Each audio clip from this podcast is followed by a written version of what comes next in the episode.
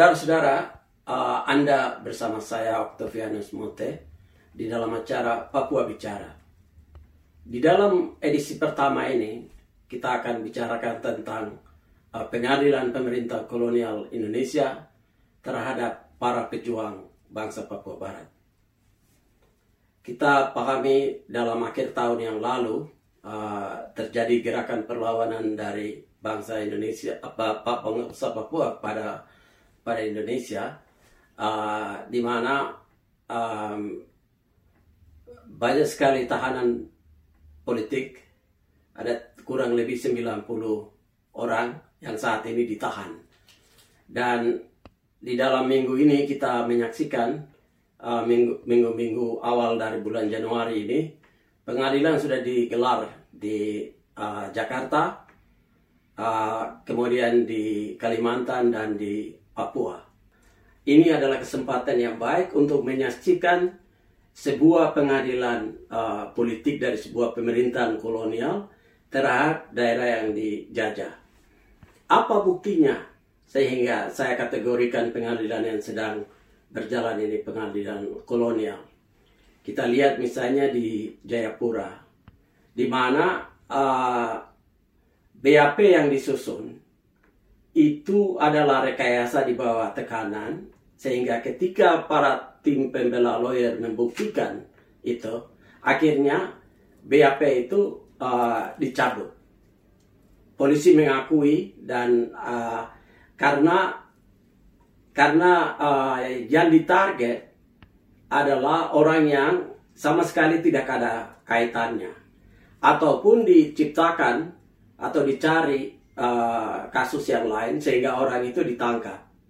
Di dalam pengadilan di Jayapura misalnya, ketika Philip Karma memberikan kesaksian tentang terlibatnya um, ketua LMA Jayapura yang ikut memimpin menyerang orang-orang Papua, uh, membakar mengusir orang, uh, orang Papua dari gunung dari wilayah Jayapura, orang ini tidak pernah dimasukkan di dalam BAP Uh, oleh karena itu maka pelaku daripada kejahatan yang melakukan pembakaran tidak disidangkan.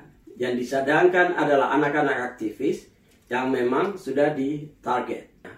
Ini memperlihatkan bahwa uh, pengadilan dalam kolonial Indonesia bukan untuk mencari uh, keadilan bagi korban, tetapi sebetulnya uh, justru dipakai untuk mentarget menangkap para pejuang pejuang bangsa itu dan dimasukkan di dalam penjara. Dan itu yang persis terjadi dengan terhadap Buktar ter, terhadap uh, Basoka logo uh, Agus Kosai dan semua pejuang-pejuang yang lain ini yang tidak ada kaitannya di dalam gerak ini itu oleh pemerintah kolonial ditangkap. Dan saudara-saudara, Anda tahu bahwa dalam sejarah Indonesia, um, Indonesia sudah pernah mengalami, uh, para pejuang Indonesia pernah mengalami pengadilan serupa, pengadilan kolonial, ya, Soekarno, Hatta, uh, mereka ditangkap, diproses, ditangkap, lalu sesudah itu mereka dibuang keluar dari Jawa Soekarno ke Flores dan kemudian ke Bengkulu, um, uh, Hatta ke Bovendigul. Jadi apa yang di, yang sedang Indonesia lakukan adalah persis apa yang pernah uh, kolonial uh, Belanda lakukan. Yang bedanya memang adalah uh, Belanda melakukan pengadilan secara mengikuti proses hukum dan sampai akhirnya terbukti dan karena dia adalah dianggap sebagai ideologi maka dia dibuang. Oleh Indonesia mereka lakukan itu kriminalisasi. Dalam acara uh, hari ini kita berkesempatan untuk uh, berkomunikasi dengan uh, pendeta suar budaya uh, Rahadian yang mendampingi para uh, pejuang uh, politik dari Papua Barat di dalam menghadapi uh, pengadilan kolonial di Indonesia. Oleh karena itu saya akan berbincang-bincang dengan beliau uh, yang pada saat ini berada di Jakarta. Uh, Pak Pendeta, saya ucapkan terima kasih Bapak sudah uh, bersedia untuk mendampingi para pejuang politik dan barangkali Bapak bisa share kepada uh, pen, pe, pendengar kami uh, bagaimana uh, sampai uh, Bapak mulai terlibat di dalam mendampingi para pejuang-pejuang dari Papua ini. Terima kasih banyak Pak Moten kesempatan bisa berbincang. Uh, saya pendeta suar budaya Radian. Sehari-hari saya adalah pastor di gereja Reform Baptis di Jakarta Pusat di Salekta. Uh, Papua menjadi bagian penting dalam perjalanan gereja kami sebetulnya belum terlalu lama, itu baru 2017. Meskipun uh, secara pribadi banyak juga orang Papua yang ada di gereja kami, tapi percakapannya benar-benar serius untuk uh, membahas Papua baru dimulai kurang lebih dua tahun lebih yang lalu dalam rangka waktu itu momen peringatan 500 tahun reformasi Protestan. Yang saat itu kami uh, berbicara isu Papua melampaui percakapan sekedar pelanggaran HAM itu penting pelanggaran HAM, tapi kami melihat ada akar masalah yang lebih krusial yaitu isu politik di Papua dan bagaimana sejarah Papua itu berintegrasi dengan Indonesia. Nah, kami, menemukan di sana ada kelompok-kelompok uh, yang nggak paham tentang isu itu. Ya. Pada bulan Agustus 2019 terjadi penangkapan di beberapa titik di Jakarta, dari tanggal 28 sampai tanggal 31. Ada di asrama uh, Duga, di asrama Lani Jaya, dan untuk Surya itu yang penangkapan terakhir tanggal 31 Agustus di sebuah pusat perbelanjaan di Jakarta. Nah, eh, penangkapan-penangkapan ini dilakukan secara terlihat sporadis, tapi sebenarnya tidak karena eh, setelah aksi menentang rasisme yang terjadi di Surabaya itu muncul pernyataan-pernyataan dari tokoh-tokoh politik di Indonesia di berbagai media begini Baru kali ini dalam sejarah NKRI ada bendera bintang kejora yang dikibarkan di depan Istana Negara. Hmm. Presiden harus bertindak. Nah, lalu tanggal 28 itu Kapolri waktu itu Pak Tito Karnavian kan merespon ya kami akan menangkap orang-orang itu menindak tegas gitu ya. Kalau tidak salah itu orang yang pertama mempermasalahkan tuh uh, Ketua MPR periode lalu Pak Zulkifli waktu itu. Nah ternyata betul Pak Tito bukan cuma bicara dan memang betul sejak beliau bilang di media itu karena ada penangkapan dan penangkapan ini uh, semua disangkutkan dengan satu uh, pasal yang sama itu pasal makar karena mereka dianggap uh, mengibar, uh, mereka mengibarkan bendera bintang kejora di depan istana negara di Jalan Medan Merdeka Barat dan itu dianggap memenuhi kriteria anslah atau makar. Nah, orang-orang yang ditangkap ini, khususnya Surya, itu menghubungi saya secara pribadi pada waktu itu keluarganya untuk uh, bagaimana nih proses ini harus kita hadapi karena uh, mereka sama sekali tidak menyangka bahwa aksi demonstrasi yang damai ini akan disangkut pautkan dengan pasal makar. Sebab ini uh, aksinya juga kultural ya, ada Betul. kemudian Papua ditampilkan dan ada nyanyian dan sebagainya. Jadi tidak ada dugaan sama sekali bahwa ini akan diarahkan ke situ. Nah dari situlah Betul. saya mendampingi karena memang ada permintaan pribadi, makanya dalam berbagai media nama saya disebut sebagai uh, pendamping atau juru bicara dari keenam tahanan politik Papua. Kurang lebih begitu sih kenapa saya terlibat. Baik, baik Pak Pendeta, terima kasih. Uh, pertanyaan berikutnya Pak Pendeta, uh, bagaimana Bapak menilai tentang seluruh persiapan dari uh, kasus persidangan ini uh, terhadap ya. Terhadap para pejuang Papua ini? Per, ya. ya persidangan yang terjadi, khususnya kita bicara kasus yang pertama itu kasus ke-6 tahanan politik Papua ya. Betul. Dari, dari besar itu uh, kami pertama-tama dari pihak uh, keluarga dan pengacara ingin membuktikan bahwa satu uh, proses penangkapannya ini tidak sah. Maka itu kami sempat mengajukan pra peradilan pada bulan November 2019 lalu walaupun kami kalah. Tapi uh, kekalahan kami di proses pra peradilan itu tidak di, disanggah dengan argumentasi yang rasional lebih karena itu ada tekanan politik menurut saya ya karena ya, yang kami ajukan adalah begini dari enam orang itu tiga orang ditahan tanpa menunjukkan surat penangkapan ya. proses penangkapan tidak sesuai dengan protokol penangkapan Polri ya. Misalnya ada satu orang anak yang digerebek oleh 50 orang itel di Depok itu, yeah. Iya. didobrak, ditodong pistol, lalu yeah. tidak menunjukkan identitas bahwa mereka polisi. Baru setelah terjadi uh, konflik fisik gitu di antara mereka, baru polisi uh, bilang kami adalah uh, intelijen dari Polda Metro Jaya. Nah itu kan memang menyalahi aturan. Sudah itu ada juga apa tindakan-tindakan rasisme yang dilakukan. Itu untuk penangkapan di tempat di uh, asrama uh, Duga waktu itu. Dia uh, perempuan, satu orang perempuan, dua orang perempuan yang ditahan. Ditangkap itu diseret keluar dari kamar mandi uh, sebelum mereka sempat berpakaian. Lalu salah seorang polwan mengatakan, kamu orang Papua memang tidak biasa pakai baju, jadi ikut saja kami dengan polisi dengan apa yang ada. Nah, hal, hal seperti itu kami dokumentasikan, kami tampilkan di sidang pra peradilan. Tapi tampaknya itu tidak digubris oleh hakim tunggal pada waktu itu sehingga uh, dianggap tetap penahanannya ini sah. Hmm. Itu sebabnya kami langsung beralih ke sidang pokok perkara yang sudah berlangsung di sidang yang kelima besok. Nah, agenda sekarang adalah bagaimana jaksa menanggapi eksepsi dari pengacara. Jadi, uh, eksepsi kami kemarin jelas ya bahwa kami sampaikan uh, seluruh delik yang disangkutkan, delik, delik makar itu, KUHP 106 dan 109 itu, itu tidak memenuhi, uh, tindakan demonstrasi tidak memenuhi delik makar. Karena makar atau dalam bahasa Belanda, setelah itu, mesti ada serangan langsung bersifat fisik, ada bukti perencanaan akan membunuh kepala negara misalnya, dan ada ditemukan senjata atau senjata tajam atau senjata api. Nah kriteria-kriteria itu tuh yang paling dasar saja sudah tidak terpenuhi dalam persidangan. Jadi uh, ini dakwaan yang disusun ini keliru.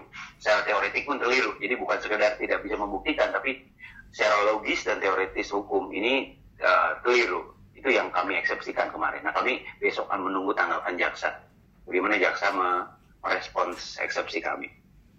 Nah berikutnya lagi, uh, mungkin media juga sudah santer memberitakan bagaimana ke enam orang kawan-kawan kami ini juga uh, tampil dengan beberapa dari mereka ya tampil dengan pakaian uh, adat Papua dua orang di antaranya menggunakan koteka nah, itu sempat jadi problem karena dianggap melanggar uh, kesusilaan norma-norma kesusilaan di ruang sidang itu yang kami sangat permasalahkan makanya uh, ada rencana besok Senin tanggal uh, 20 Januari ini kami akan tetap memakai pakaian itu teman-teman dan akan bernegosiasi dengan hakim supaya hakim bisa memberi izin uh, teman-teman uh, menggunakan pakaian adat Papua. Jadi kurang lebih persiapannya sampai di situ ya. untuk yang keenam poin ini. Terima kasih Pak Pendeta. Um, ya. Kalau melihat apa yang tadi dijelaskan itu kan uh, sudah memperlihatkan semacam ketidakadilan dan dan saya yakin para para tahanan para pejuang-pejuang Papua ini menyadari akan semua hal itu. Nah, Bapak bisa menjelaskan kepada kami bagaimana suasana atau persiapan uh, mental, emosional daripada uh, kenam pejuang Papua yang sedang Bapak dampingi? Secara mental emosional tentu sebagai manusia biasa mereka mengalami naik turun. Ada masa-masa mereka semangat dan percaya diri, tapi ada masa-masa mereka juga putus asa, mungkin rindu dengan keluarga, mungkin juga karena secara fisik sering sakit. Jadi kami sebagai keluarga dan teman-teman memang harus terus memberikan dorongan moral ya.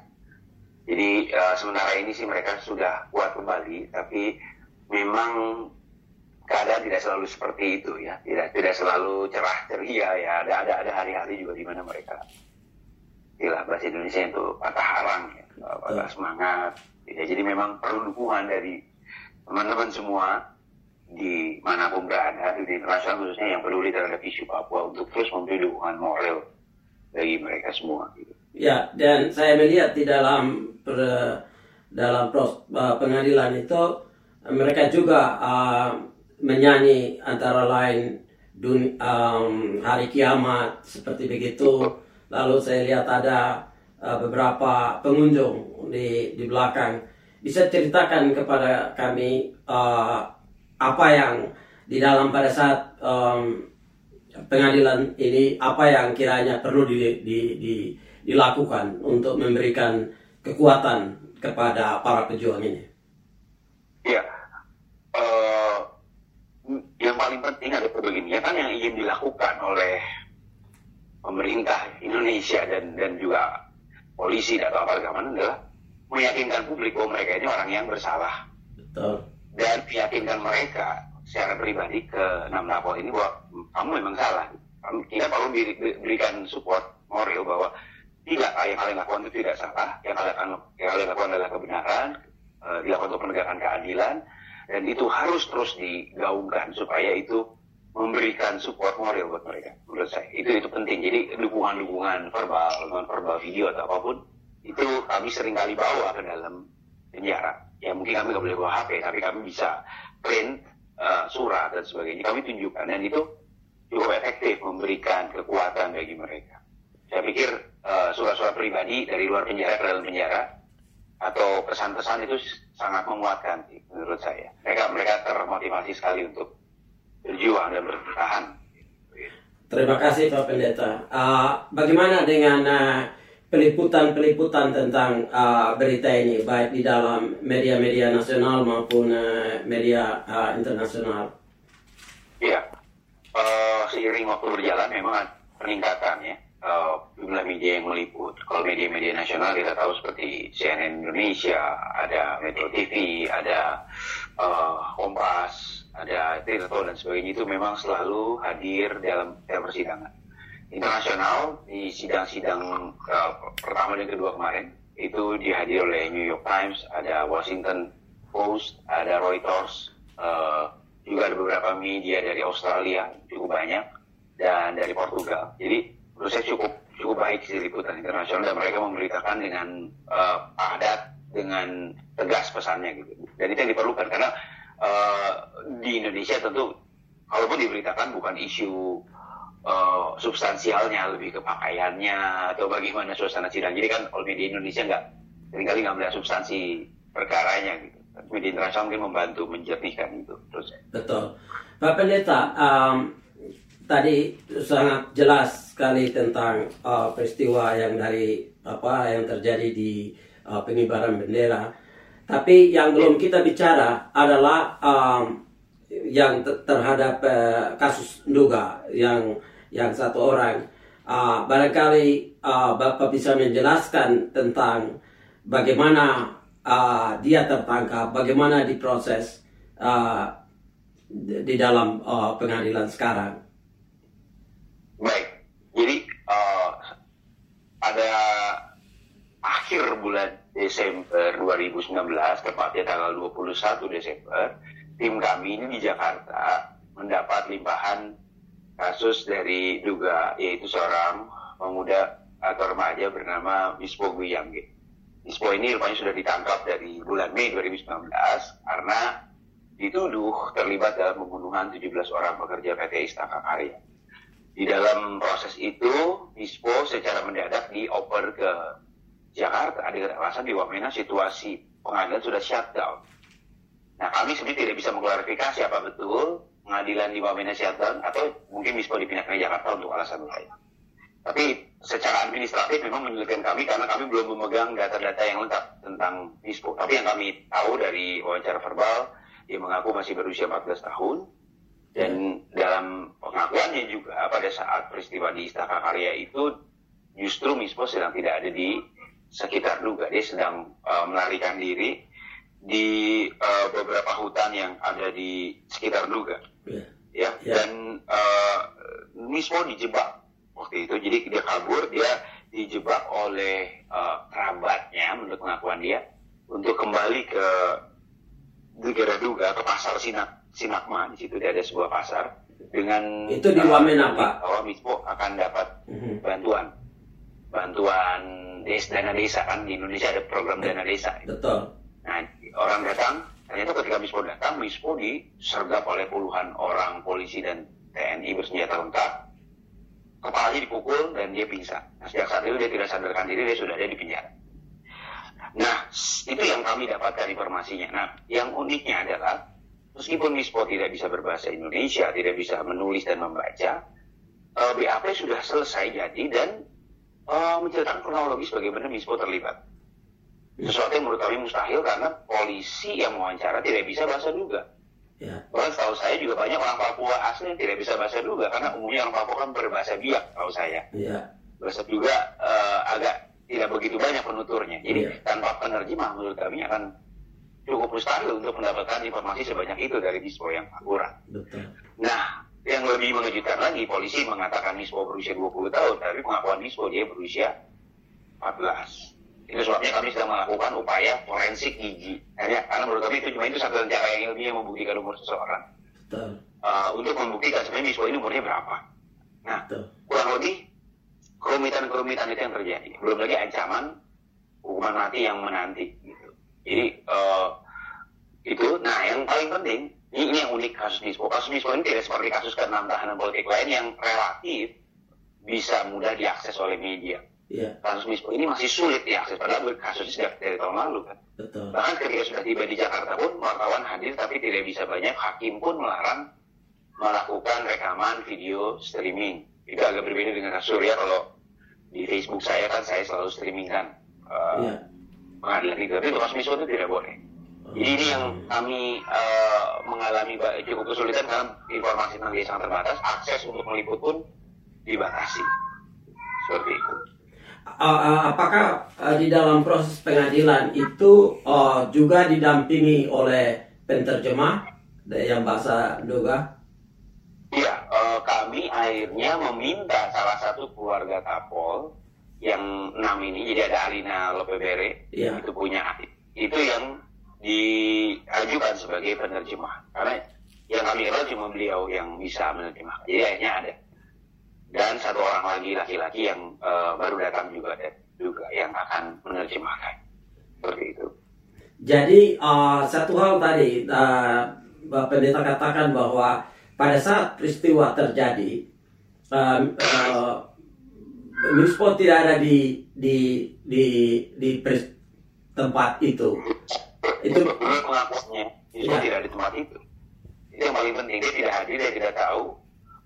Dan ini yang luar biasa pak. Dalam dalam dakwaan ini kan berlapis pembunuhan berencana penganiayaan penculikan dan penggunaan senjata ilegal. Jadi ada kalau kita lihat profilnya dan kita mendengar kronologis kejadiannya itu hampir mustahil dilakukan oleh seorang mispo yang masih di bawah umur dan tidak punya kecakapan menggunakan senjata apalagi menculik 17 orang gitu. Saya pikir ini sesuatu yang tidak masuk akal sehat.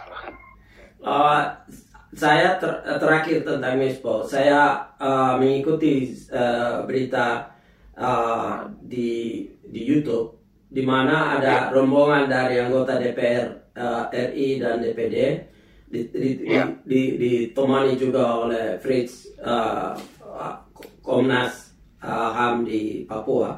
Eh bukan Fritz, uh, DPD saya kira dengan DPR.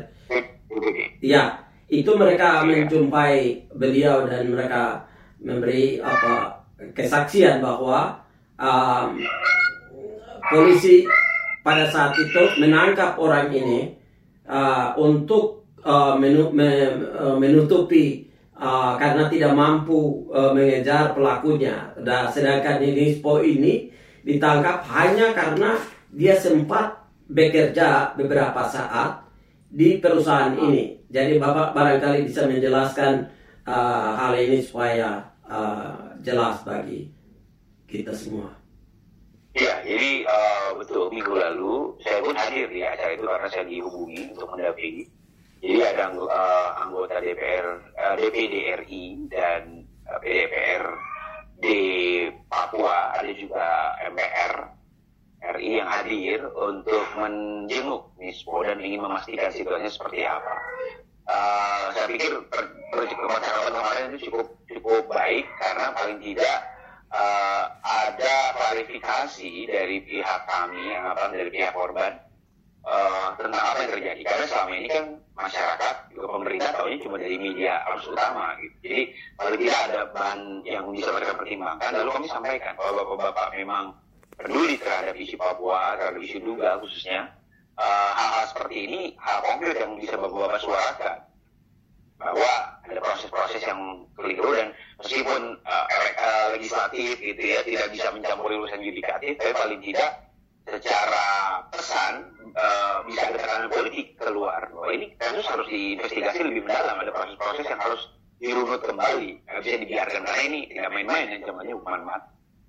Nah saya pikir uh, responnya cukup bagus kemarin ketika itu disampaikan. Nah, kita tunggu saja apakah mereka akan uh, berkomitmennya dipegang komitmennya dipegang untuk uh, menyuarakan isu ini ke publik kita sedang menunggu itu Terima kasih Pak Pendeta. Saya kira uh, ini sudah sangat menolong kami karena ya. Bapak adalah uh, pendamping, bukan pembela, ya. karena Bapak bukan seorang uh, lawyer, tapi Bapak ya. sebagai pendeta adalah pendamping uh, uh, para pejuang Papua Barat ini. Ada hal yang barangkali mau disampaikan yang barangkali uh, terlewatkan, yang Bapak mau tegaskan di sini? Iya, uh, saya mengimbau rekan-rekan sekalian di mana pun berada di seluruh dunia yang memiliki kepedulian dan eh, cita-cita uh, untuk tegaknya kemanusiaan, tegaknya keadilan, dan secara lebih spesifik tentang kebebasan rakyat Papua. Saya pikir uh, kita semua harus bergandengan tangan untuk menyuarakan isu ini bahwa ada proses pengadilan yang tidak adil, ada proses uh, penangkapan yang melanggar hukum dan ada orang-orang yang sedang terancam bahaya, bahkan bahaya maut. Dan kita perlu tekan pemerintah Indonesia untuk meninjau kembali proses ini supaya keadilan bisa ditegakkan. Bahkan bagi kita yang tidak punya cita-cita politik yang sama untuk isu Papua, mari pandang ini sebagai isu kemanusiaan. Mari pandang ini sebagai isu keadilan. Karena apa pun uh, sense politik Anda, posisi politik Anda terhadap Papua, kalau Anda uh, merindukan keadilan ditegakkan, saya pikir tidak ada orang yang boleh diam melihat proses ini berlangsung dengan tidak adil. Terima, ka terima kasih Pak Pendeta, Tuhan memberkati. Tuhan memberkati Pak Pendeta, terima kasih banyak untuk kesempatan. Demikianlah acara Papua Bicara kali ini. Sebelum menutup acara ini, saya ingin menambahkan bahwa di dalam pengadilan-pengadilan politik pemerintah kolonial Indonesia terhadap para pejuang Papua memang tidak mencari keadilan, tidak ada kebenaran. Yang ada adalah sebuah panggung sandiwara untuk membendung, membunuh perjuangan Papua merdeka. Uh, oleh karena itu, saya mau menghimbau agar mari kita memberikan suatu dukungan solidaritas karena yang mereka lakukan adalah mereka hadapi pengadilan ini dengan gagah perkasa sebagai pejuang yang memperjuangkan keadilan dan kebenaran. Demikian, sampai jumpa di dalam edisi berikutnya.